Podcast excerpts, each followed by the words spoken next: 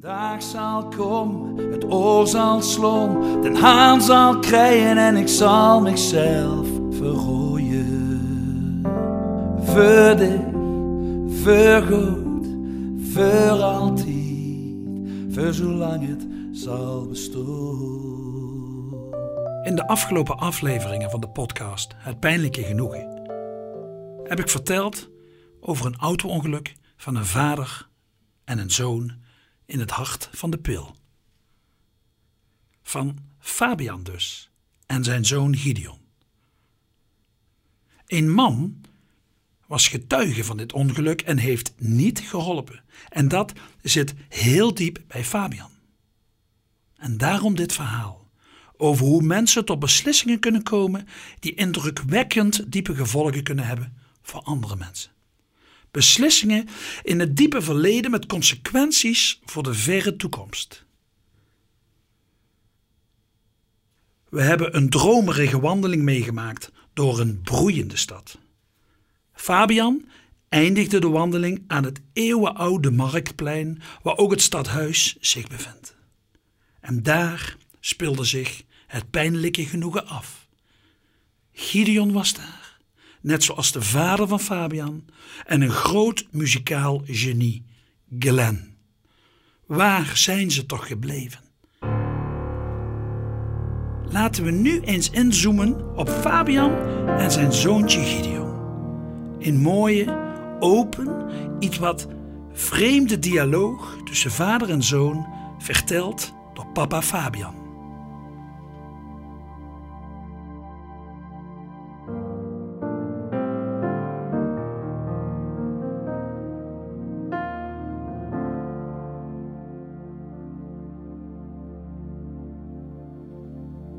Mijn naam is Fabian. Ik vertel jullie over Gideon. We zitten samen in de auto, een groene Renault Laguna Stationcar Deluxe 1.8 of zoiets. Ach, het rijdt best lekker zo'n Renault. Papa? Ja, jong? Waarom hebben alle leuke dingen een einde? Hoe bedoel je, jongen? Waarom was die, die droom van morgen in één keer afgelopen? Nou, schat, omdat je wakker bent geworden, denk je niet? Hoezo was het een mooie droom dan? Ja, papa, heel mooi. Een, beetje gek zelfs. Nou, weet je wat je doet, schat? Dan ga je nu maar weer slapen. En dan moet je eigenlijk proberen om alles weer terug te vinden in de binnenkant van je ogen. Oh ja, papa. Oké, dat doe ik. Dat is een goed idee. Papa? Ja, jong. Is opa nu bij Glen? Uh, ja, schat. Ze zitten samen op één ster. Maar waarom dan? Omdat ze allebei dood zijn, schat. Dan ga je naar de hemel. Maar waarom dan? Daar leven alle dode mensen, schat. Maar waarom dan? Is het daar dan ook druk? Ja, schat. Daar is het druk, maar de hemel is heel groot, Gideon. Hoe groot dan en eh, is dat dan ook feest, papa? En zijn daar ook piano's?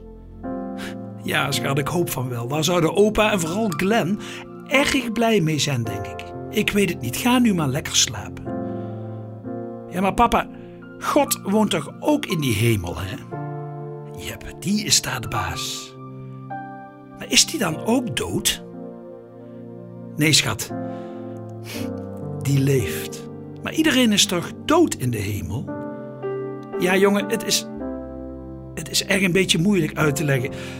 Schat, alle doden leven verder in de hemel. God leeft in ieder geval, dat weet ik zeker, denk ik. Nou, ga slapen, schat. Papa, heeft opa zichzelf zien liggen vanuit de hemel? Oh, Gideon, hoe bedoel je? Nou, vanuit de hemel, papa, kijk je toch naar beneden, naar de aarde. Dan heeft opa zichzelf toch zeker in bed zien liggen toen hij daar dood was gegaan? Konden ze dan ook naar elkaar zwaaien? Ja, schat. Daar zit wel wat in wat je zegt. Ik weet het niet, echt niet. Ik denk niet dat hij gezwaaid heeft naar zichzelf. Het is toch ook een beetje gek, of niet? Nou, Schat, doe je ogen dicht. Doe je ogen nu dicht en ga pitten alsjeblieft. Ga slapen. Mijn zoon was zes. Mijn zoontje. Zijn naam Gideon. Hij kon net een beetje schrijven en lezen. En dood fascineerde hem enorm sinds mijn vader, zijn opa dus, vorig jaar plotseling was overleden. Alleen maar vragen, vragen, vragen, echt onmogelijke vragen. In de wereld van mijn kind is, was een, speciale plek voor wensen en gedachten gereserveerd die te maken hadden met alle soorten van geloof, verlangens, vragen, twijfels. Soms ontwapenend wijs, soms indrukwekkend naïef en soms aangrijpend wel doordacht, maar sommige ook heel simpel. Veel vragen over God, met hoop en met angst. Sommige om keihard te lachen, maar de laatste dagen echter steeds diepere vragen. Slimme vragen en ja, vooral vreemde vragen. De meeste echter zonder antwoord. Ik wist zijn toekomst niet. Ik wist het niet. Ik wist het allemaal niet. Ik, ik wist gewoon nog van niks. Papa? Ja, jong. Wie doet het werk van God als hij op vakantie is? Papa? Ja, jong. Is God onzichtbaar of is, is dat een trucje, papa? En trekt God eigenlijk zelf al die lijnen om al die landen? Papa, gebruiken dieren ook een God of hebben die weer een eigen God? En papa haalt God niet al die, die, die godsdiensten door elkaar? Papa, waarom tovert God niet meer? Dat deed hij vroeger toch ook, of niet? Papa, ja jong, nou, nou is het afgelopen. Ga nu alsjeblieft slapen, please. Ga slapen. Ja, maar papa, heeft God ook de, de niet-machine uitgevonden? En waarom zet God iedere nacht de sterren terug op dezelfde plaats? Papa, weet God ook dat ik echt mijn best doe op school? Sinterklaas weet dat toch ook, hè? Ja, Sinterklaas weet dat, God weet dat, iedereen weet dat. Maar nu moet je echt gaan slapen, Gideon. Ga slapen. Papa, zal God mij ook leuk vinden als ik in de hemel kom? Dat duurt werkelijk nog eeuwen, schat. Maak je nou geen zorgen. Ik weet wel zeker dat God jou leuk vindt. Ga nu lekker slapen. Doe het alsjeblieft voor mama en voor mij. Ga slapen. Mijn kind zat naast me in de auto en stelde in een uurtijd wel dertig van dit soort vragen. Ik had hem naast me gezet in de kinderstoel. Zo kon ik hem een beetje verzorgen tijdens de rit. En ik was moe, kotsmoe. Ik had al weken amper geslapen en maak nu mijn laatste rit met mijn allerliefste engel. Mijn, mijn laatste uur met mijn ventje, mijn Gideon.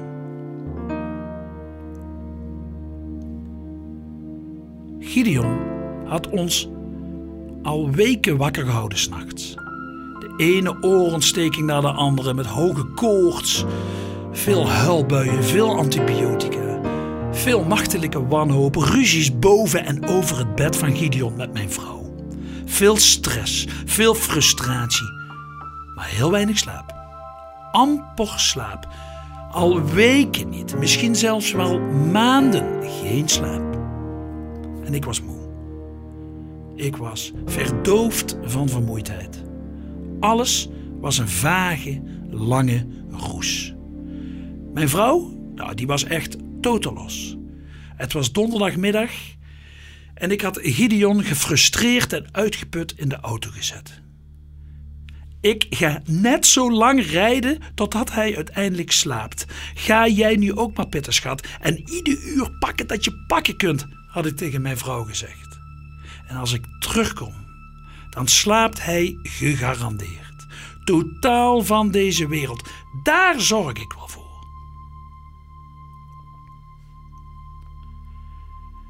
Ik had de grote kinderstoel los voor in de auto gezet en Gideon in het stoeltje vastgemaakt. Voor en naast mij, voor de allereerste keer. De allerlaatste keer. Ik had de tijd niet meer genomen om ook de kinderstoel te bevestigen met de gordel aan de stoel van de auto. Het was wel goed zo. Een milkshake van McDonald's erbij en hoppakee, koetsenbaar. Op naar rust. Op naar slaap. Is je milkshake lekker? Papa, kun je eigenlijk dromen met je ogen open? Ik vraag, is je milkshake lekker?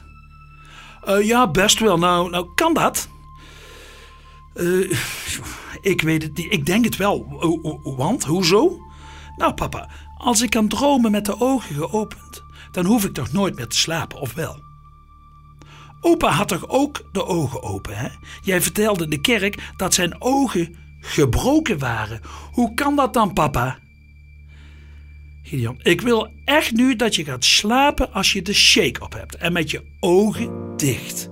Je moet nu echt gaan slapen, jongen. Echt, ga slapen. Voor eeuwig slapen. Ik was van plan om eens de pil in te rijden.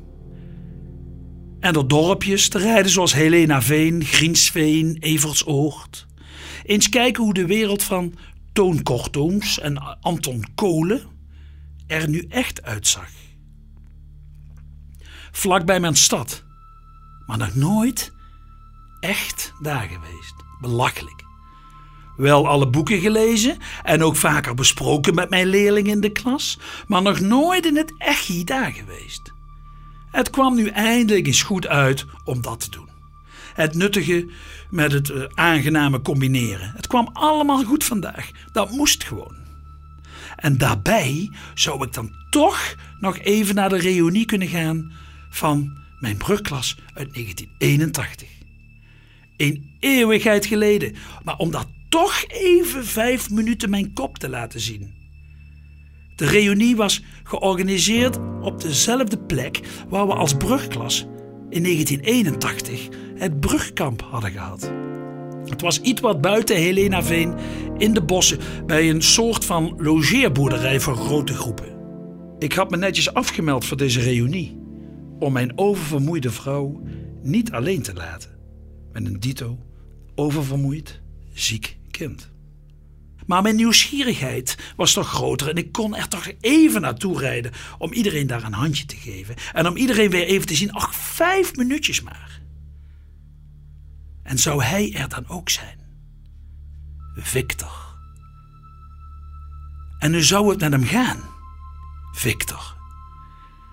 Zou Victor mij nog herkennen? Zou hij het nog weten? Victor.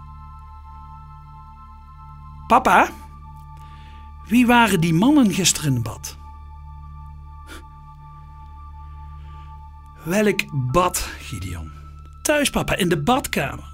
Wat zeg je nou, man, in de badkamer? Hoe bedoel je? Nou, papa, ik ging even onder water met mijn hoofd en ik zag allemaal mensen onder water die mij riepen. Nou, hou op, Gideon, doe niet zo vreemd. Wat zeiden die mannen dan? Kom maar, jong. Kom naar ons. Ben niet bang. Het is goed zo. En toen ik boven water kwam, waren ze weer weg. Verdwenen, foetsie. Stom papa? Kom op nu, Gideon. Nu ben ik het zat. Sluit je ogen en praat niet zo vreemd. Ga nu maar lekker slapen. Papa gaat lekker rijden.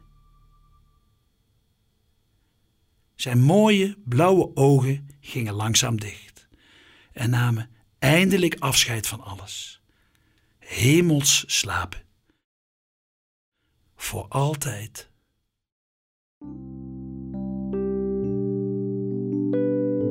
Je hebt geluisterd naar Het Pijnlijke Genoegen. Een podcast van Jacques Paul Joosten en Jeroen van den Berg met medewerking van Omroep Venlo. Wil je meer weten over de podcast of over de muziek in de podcast? Kijk dan op www.jpjoosten.nl. Heb je genoten van het pijnlijke genoegen?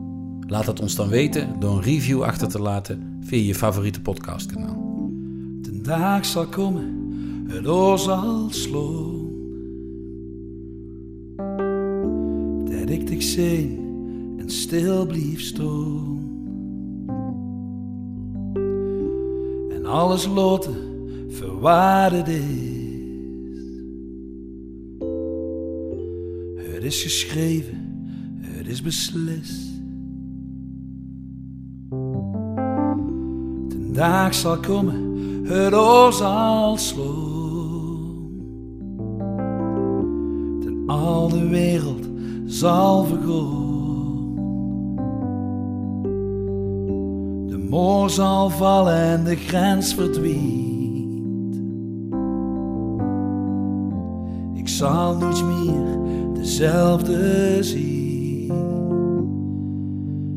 De dag zal komen, het oor zal slaan, den haan zal krijgen en ik zal mezelf verrooien. Voor dich, voor goed, voor altijd, voor zolang het zal bestaan.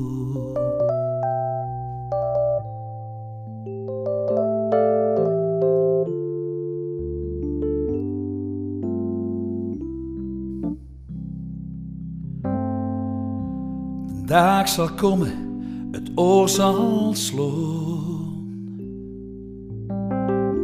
De zon zal niet meer ondergaan. Het leeg zal blijven en de nacht verdwijnt. En ik zal nog hetzelfde zien. Dag zal komen, het oor zal slaan, de haan zal krijgen en ik zal mezelf verrooien. Voor dich, voor goed, voor altijd. Voor dich, voor goed, voor altijd. Voor zolang het zal bestaan.